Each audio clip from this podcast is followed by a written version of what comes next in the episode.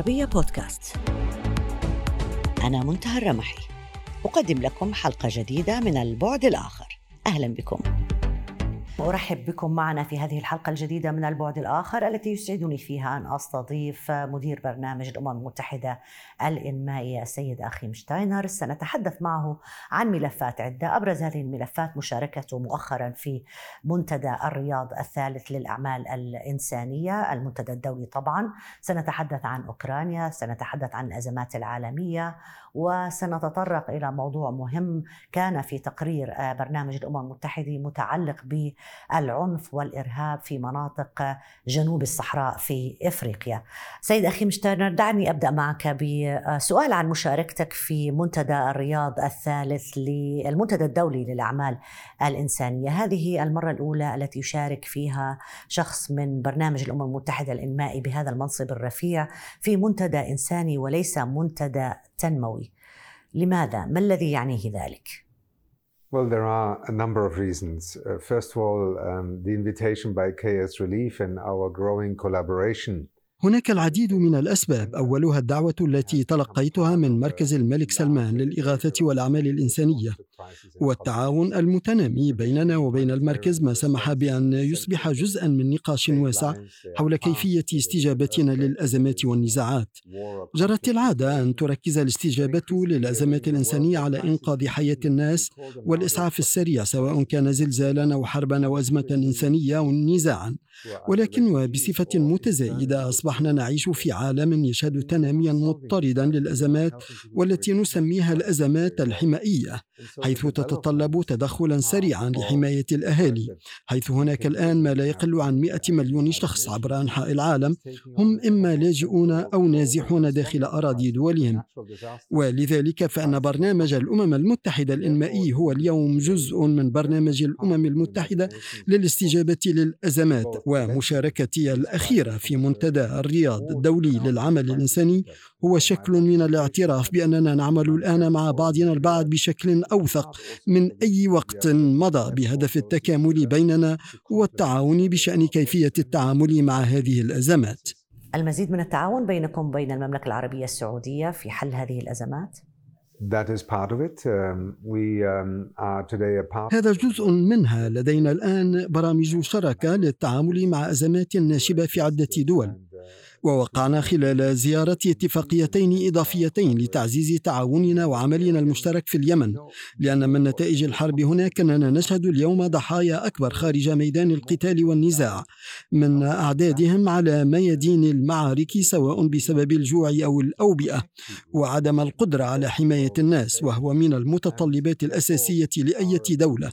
ولذلك فإن قدرتنا على تدريب الناس على كيفية التعامل وتجاوز هذا الظرف الرهيب عبر حزمة خدمات نقدمها وهي جزء من برنامج استجابة تنموية طارئة نتعاون فيها مع مركز الملك سلمان ذكرت بأنه منع الأزمات من الحدوث هل لأي أحد على المستوى العالمي القدرة في منع الأزمات أو هذا النوع من الأزمات من الحدوث؟ Well, حسنا إذا كنت تقصدين ذلك على وجه العموم فأنت محقة. إذا لا توجد قدرة لأي شخص لمنع كارثة أو أزمة من الحدوث.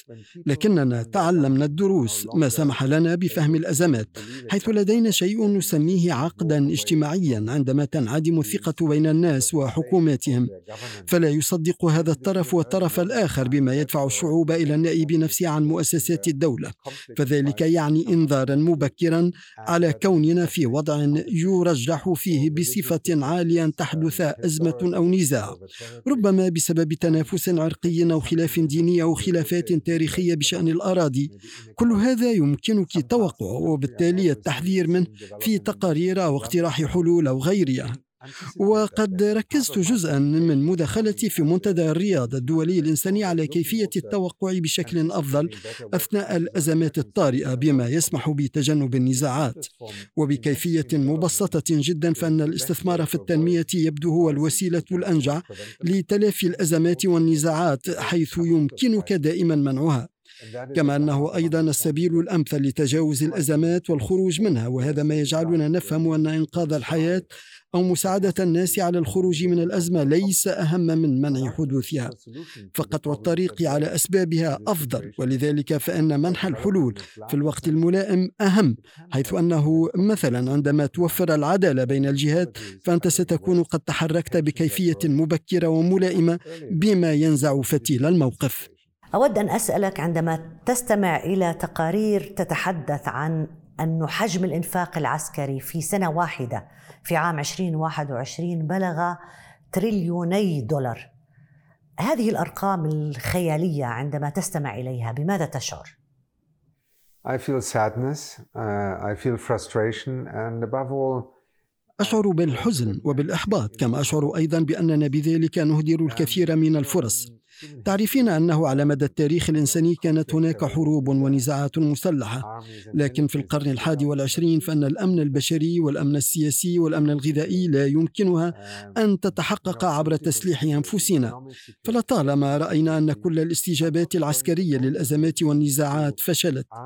فقط انظري لمنطقة الساحل الإفريقي مثلا ففي السنوات الأخيرة تم إنفاق الكثير من الأموال هناك في مهمات حفظ السلام ولكن أيضا في برامج عسكرية لدعم القوى الخمس الكبرى. والآن ها نحن في عام 2023 والوضع أصبح أكثر تفجرا.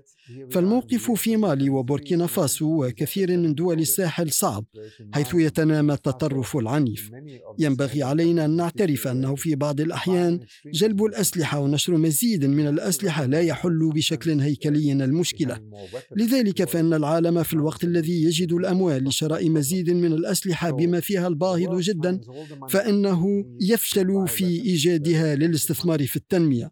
رغم أن ذلك يسمح بمعالجة مشاكل عدم التوازن في الاستثمار والقضاء على الميز الاجتماعي والخلافات التاريخية والاستثمار في التعليم والبنية الصحية. أمور يعد الإنفاق فيها مجزيا وله عائدات أكثر على مستوى الحلول أكثر من الوسائل العسكرية. في الورقة التي قدمتموها في المنتدى تحدثتم عن آه، طريقة آه، آه، معالجة الأزمات في المناطق اللي فيها صراعات أو المناطق الهشة. دعني أخذ سوريا على سبيل المثال. سوريا لم تخرج من أزماتها. أزماتها متكررة. بدءا من الحرب والآن الكوليرا والزلزال أيضا أضاف إلى هذه الأزمات. كيف تستطيعون القيام بعملكم في ظل وجود كل هذه الأزمات في ظل جو يسيس كل شيء حتى المساعدات كما لاحظنا مؤخرا؟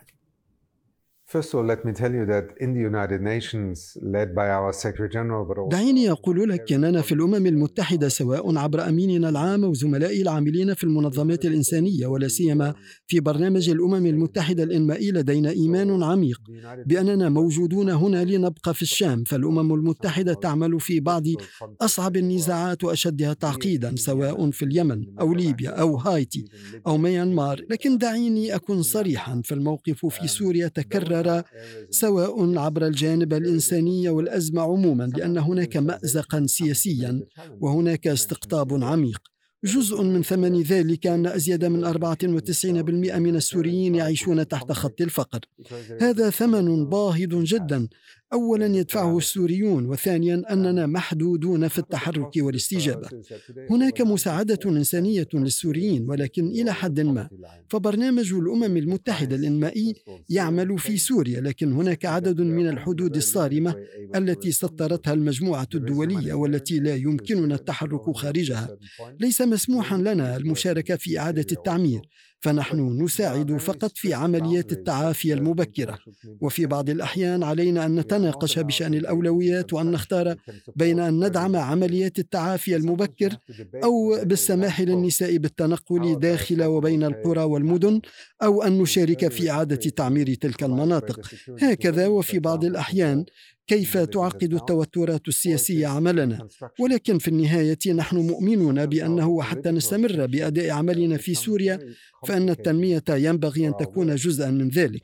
ولذلك على كل الأطراف أن تتجاوز خلافاتها السياسية وأن تتفق على الأولويات التي من مصلحتها كلها الالتزام بها بما يقودنا في النهاية إلى تعزيز الأمل في المستقبل.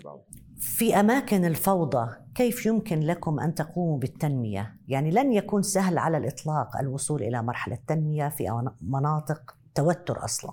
Let me put it this way. How do people survive in chaos? Uh, not all of them. دعيني أشرح الأمر. كيف يمكن للناس النجاة من الفوضى؟ ليس بمقدور أي منهم أن يذهب إلى المدينة وأن يقف في طابور انتظارا لتلقي مساعدة غذائية. عليهم أن يرعوا أمورهم الخاصة وأولادهم سواء كان ذلك في أفغانستان أين عثرنا في خضم الأزمة السياسية العاصفة على نساء أنشأن مزارعهن الخاصة ومشاريعهن الصغيرة بتمويلات بسيطة وكل منهن ترعى بين ستة وسبعة أشخاص. ذلك يسمح على المدى الطويل بإنشاء شبكة اقتصادية على الصعيد الوطني. تسمح للأشخاص بأن يتعايشوا مع الأزمات ويخرجوا منها في إطار يحافظ على كرامتهم حيث ينبغي مساعدة الناس على تجاوز الأزمات وإلا فإنهم سيستسلمون. ما يزيد من تعميق الأزمة ويؤثرون على الدول الأخرى فيصبحون لاجئين أو نازحين داخل دولهم أو على حدودها. وقد جربنا ذلك. أفضل مثال على ذلك ذلك اللاجئون الصوماليون الذين يعيشون في كينيا في مخيمات ولدت فيها جدات وأمهات وبنات ما يعني أن ثلاثة أجيال وقعنا في شراك هذا الموقف. إنه نزاع مثير للأسف جدا ومدان بشدة ولكن هذا هو الواقع وهو ما ينبغي أن نذكر به الناس دوما. هذه هي الحقيقة وهي ما ينبغي أن نركز عليه. ما هو الهدف الذي تنوون تحقيقه في مثل هذه الأماكن التي تعاني من عدم الاستقرار في المنطقة العربية؟ دعيني أخذك إلى بلد آخر العراق عندما تم تحرير مدن من سيطرة داعش كان برنامجنا وقتها يعمل مع الحكومة العراقية على برنامج استقرار رئيسي يتكلف مليارات الدولارات ويضم آلاف المشاريع الصغيرة لخلق الوظائف للأشخاص لتشجيعهم على العودة إلى قراهم ومدنهم التي دمرت جزئيا. وتتضمن دعم العودة بأمور بسيطة مثل إعادة بناء سقف أو حمام منزل أو إعادة ربطه بالماء أو الكهرباء أو بكليهما. لذلك فإن الآلاف من هذه المشاريع بالتنسيق مع المجالس المحلية والتجمعات المتضررة سمحت لما لا يقل عن أربعة ملايين ونصف المليون كانوا مشردين داخليا بالعودة في غضون ستة شهور بعد تحرير مناطقهم بدلا من أن يبقوا عالقين لسنوات في مخيمات. هذه هي الصورة التي توضح معنى التدخل العاجل الناجع والبعيد عن البيروقراطية والتي سمحت عبر برامج عملية لملايين الأشخاص بإعادة بناء تجمعاتهم. كل شخص يرغب بالعودة إلى دياره لكن إذا لم يكن لديك مدرسة أو كهرباء أو ماء أو الأساسيات التي تسمح لك بالعيش فإنك لن تعود. برنامج الأمم المتحدة الإنمائي وقتها بدعم من الأسرة الدولية والسلطات المحلية أيضا وخاصة نجح في إحداث فارق هائل. وهذا هو تحديدا ما نرغب بجلبه للمناطق التي تعيش أزمات. ونعمل الآن في المنطقة في دول مثل اليمن وفي لبنان الذي يعيش وضعا اقتصاديا حرجا للغاية أين نساعد مؤسسات الدولة هناك على الحفاظ على وظائفها الأساسية بما يساعدها على أداء مهامها في العراق نجحنا بعد النزاع الأول في إحداث الفارق وآمل أن يستمر البرنامج في العمل مع الدول المجاورة التي ترغب برؤية جيرانها لا تعاني من مثل هذه الظروف نحن شريك موثوق وكفء. نعمل تحت مظلة الأمم المتحدة على ضمان أن لا تتعقد الأوضاع أكثر. الحرب في أوكرانيا سببت مشاكل على المستوى الإنساني على المستوى العالمي. كيف تنظرون لهذه الحرب؟ أولا نحن ننظر إلى المناطق التي تضرر فيها الناس أكثر مثل موجة اللجوء الداخلي. الملايين فروا إلى خارج البلاد. ملايين آخرون نزحوا داخل بلدهم. لذلك تعين على برنامجنا النظر في كيفية دعم الحكومة الأوكرانية على الاستمرار في أداء عملها فيما هي تحت الهجوم والقصف. جزء مهم من الدولة ما زال يعمل بما يعزز قدرة الحكومة على استخدام الوسائل التكنولوجية الجديدة لإعادة تسجيل الناس في مؤسسات الأمان الاجتماعي التي تديرها وأيضا القدرة على أن نمول المؤسسات الصغيرة مثل المطاعم وورش العمل وأيضا النازحين على إطلاق مبادرات صغيرة تسمح لهم بتثبيت أنفسهم في مناطق عيشهم الجديدة. ومرة أخرى يتعلق الأمر بالحفاظ على الكرامة في تسيير شؤون الحياة وليس رهنها بالآخر. وفي نفس الوقت على قدرة الحكومة على العمل ومعالجة أثار التدمير والقنابل والعبوات والمتفجرات التي تم تركها. وهنا يساعد برنامجنا الحكومة على التعامل مع هذا الأمر. وخلال الشهور الأخيرة أصبحنا أحد الوكالات الرئيسية الشريكة للحكومة في التمويل السريع لاستبدال التجهيزات المتضررة في منشآت الجهد العالي مثل مولدات الكهرباء في المدارس وغيرها من المباني التي كانت عرضة لقصف ممنهج استهدف بنية الطاقة في أوكرانيا. لذلك كنا من أوائل الممولين بما منح القدرة لأوكرانيا على إعادة بناء بنيتها الكهربائية بسرعة لأن ملايين الأشخاص غير قادرين على الحصول على الكهرباء لعشر ساعات أو أكثر يوميا في الوقت الراهن. ولكن كما تعرف الحرب في أوكرانيا أثرت على كثير من دول العالم. كيف يمكن أن تخرج آه، الدول التي تأثرت بالتداعيات بشكل مباشر من أزمتها؟ من الصعب الرد على سؤال هل هناك وسيلة سهلة لمعالجة تضخم أسعار الطاقة والغذاء؟ ولكن أيضا في أسواق المال ونسب الفائدة التي تتزايد بكيفية متضاعفة وقيمة رأس المال في الدول التي تقترض الأموال من الأسواق الدولية والتي يتعين عليها خدمة الدين. لذلك فإن المستهلك يدفع أكثر والحكومات تدفع أكثر للوفاء بمواعيد الدفعات وهناك أموال أقل تحت تصرفها وتصرف مواطنيها إنها أزمة تكلفة معيشة والأمين العام للأمم المتحدة عند إطلاق برنامج عالمي للتعامل مع هذا الوضع العام الماضي أطلق مبادرة البحر الأسود الكبرى بهدف تهدئة أسواق الحبوب العالمية والتي تعد هذه المنطقة أكبر مزود لها. أيضا نحن بصدد مساعدة الدول التي تأثرت وتعاني من أزمة مالية حاليا. وفي سياق اجتماع مجموعة العشرين. ولكن مؤخرا أطلق الأمين العام أيضا خطة تحفيز بمشاركة مجموعة العشرين. وأيضا مؤسسات التمويل مثل صندوق النقد والبنك الدولي للتوصل لأساليب أسرع وأنجع في مواجهة الأزمات في الدول المتعثرة أو التي تواجه صعوبات في الوفاء بديونها. فهناك 150 دولة تعاني بشكل أو بآخر من الديون وهناك منها من هو على بعد خطوة من الإفلاس. لذلك تتم مناقشة الضخ السريع للسيولة وإعادة هيكلة الديون وأيضا إعادة التفاوض بشأن شروط هذه الديون بما يجعل الدول تدفع أقل. فحرب أوكرانيا مست مئات الملايين من البشر عبر العالم. حسنا أول شيء هو الاستثمار والوقاية وحل الأزمات أمر مهم جدا.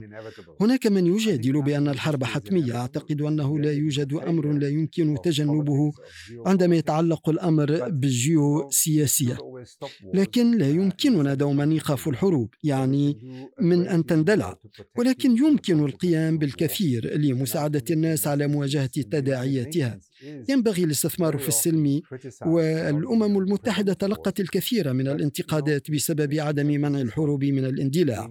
ولكن في مثل هذه الأزمات نحن نحتاج لدعم الأسرة الدولية وأيضا أطراف الحرب للنظر في أسباب استمرارها وكيفية إيقافها في المنطقة وأيضا على مستوى العالم. ولسوء الحظ يبدو أنها لن تنتهي عما قريب. Well, لا يمكننا توقعها وحتما لكل منا وجهة نظره لكن للدبلوماسية دور مهم جدا حيث يمكن التوصل لمكان يكون مهيئا بكيفية تقبل معها الأطراف بالتواصل مع بعضها البعض.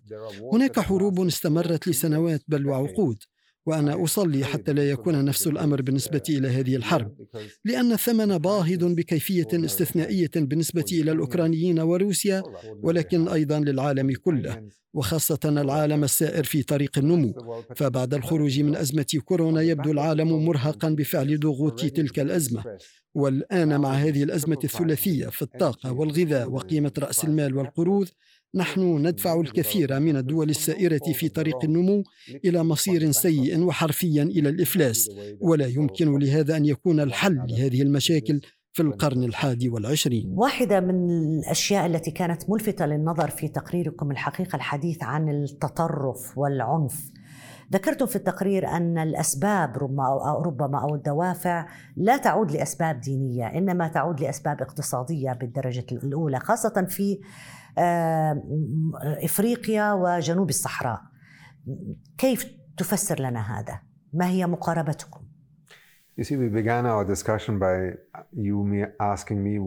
تذكرين أننا بدأنا هذا الحوار بسؤالك حول كيف يمكن منع النزاعات ومن الدروس التي تعلمناها أنه في دول مثل جنوب الصحراء التي أصبح فيها التطرف أحد أبرز عوامل عدم الاستقرار في الساحل.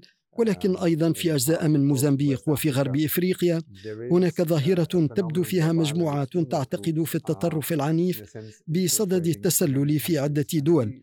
ونعرف مبدئيا أن مشاكل مثل الفقر وعدم المساواة وعدم قدرة المؤسسات الحكومية على العمل أنتجت فراغا سمح لهذه المجموعات بأن تجد موطئ قدم لها بل وأن تجند عدة أشخاص. ونحاول ربط العلاقة بين كل هذا ففي عام 2017 نشرنا استطلاعنا الأول حول مقاتلين سابقين تم تجنيدهم من قبل مجموعات متطرفة. وقد وسعنا هذا العمل الآن ونشرنا التقرير الثاني بعد أن قابلنا فيه أكثر من ألفي شاب تم تجنيدهم في ثمان دول على امتداد منطقتي الساحل والقرن الإفريقيين. وطرحنا عليهم سؤالا حول ما الذي دفعهم إلى الانضمام إلى هذه الجماعات. هنا كانت هناك خلاصات مهمة جدا. الكثير من الناس كانوا يعتقدون أن الرسالة الدينية كانت عنصر الجذب الأول عند الانضمام إلى هذه الجماعات. لكن في الواقع عندما تتحدث للناس صغار السن فإن العامل الاقتصادي والوضع الاجتماعي هما العاملان الأهم مثل البطالة وعدم توفر متطلبات الحياة أو الفقر المدقع. هذا هو الدافع الأول وليس الدين في الحقيقة ما يمثل المشجع الأول. ثانيا عرفنا أن التعليم أيضا عامل مهم فعندما تستثمر في التعليم فإنك على الأقل ستنقذ 13% من هؤلاء المجندين. وثالثا أشار الكثير منهم إلى حوادث قادحة كانوا على علاقة بها أدت بهم إلى الالتحاق بهذه الجماعات مع ضلوع قوات الأمن والجيش في التعامل مع تلك الحوادث التي تسجل فيها انتهاكات لحقوق الإنسان. ترى فيها والدك مثلا يعتقل أو شقيقك يصاب أو يعتقل دون إذن قضائي. لكن هناك أيضا من غادروا هذه الجماعات أو رغبوا بذلك لأسباب مختلفة يعودون إليها لأن وعودا قدمت إليهم لم تتحقق. لذلك فقد أتاحت لنا هذه المقابلات التعرف على أسباب انضمام هؤلاء الصغار إلى هذه الجماعات وأيضا ما يمكن القيام به لمنع ذلك لأن تداعيات هذا على بعض الدول تعد كارثية. انظري إلى مالي أو بوركينا فاسو فقبل عشر أو خمس عشرة سنة كانت الظروف مهيئة لهما للبدء في طريق الازدهار والآن هما تعانيان من أجل الحفاظ على القدرة على أداء الوظائف الأساسية المنوطة بالدول هل تعتقد بأن التنمية قد تكون بديل عن التسلح أو عن الأسلحة؟ نحن بصدد تعلم كيفية التعامل مع هذه الظاهرة. أولا عبر توطيد عوامل الاستقرار مثل ما فعلنا في العراق لأن في منطقة الساحل ينبغي البدء بالتجمعات المحلية بدءا من العمد فرؤساء المجالس المحلية فالمحافظين والسلطات المحلية. نحاول أن نعيد لهذه التجمعات الأسباب التي تجعلها مقتنعة بصواب الاستمرار داخل الدول. عبر توفير سوق أو مركز أمن وبنية للتعليم والصحة بما يجعلك تستعيد ثقة الناس وإيمانهم بقدرتهم على إعادة بناء تجمعاتهم بما يضع حجر الأساس لدولة تعمل من جديد وتوفر الأمل لمواطنيها وتمنعهم من الابتعاد عنها بسبب عدم وجود مركز شرطة أو نظام للقضاء. ما يستدعي الجماعات المتطرفة للقدوم لتوفر لهم حسب عقيدتها إدارات محلية من ضمنها الحفاظ على الأمن والقضاء بين الناس وفقا لمعاييرها. لذلك أعتقد أننا تعلمنا عدة دروس على مدى السنوات الأخيرة.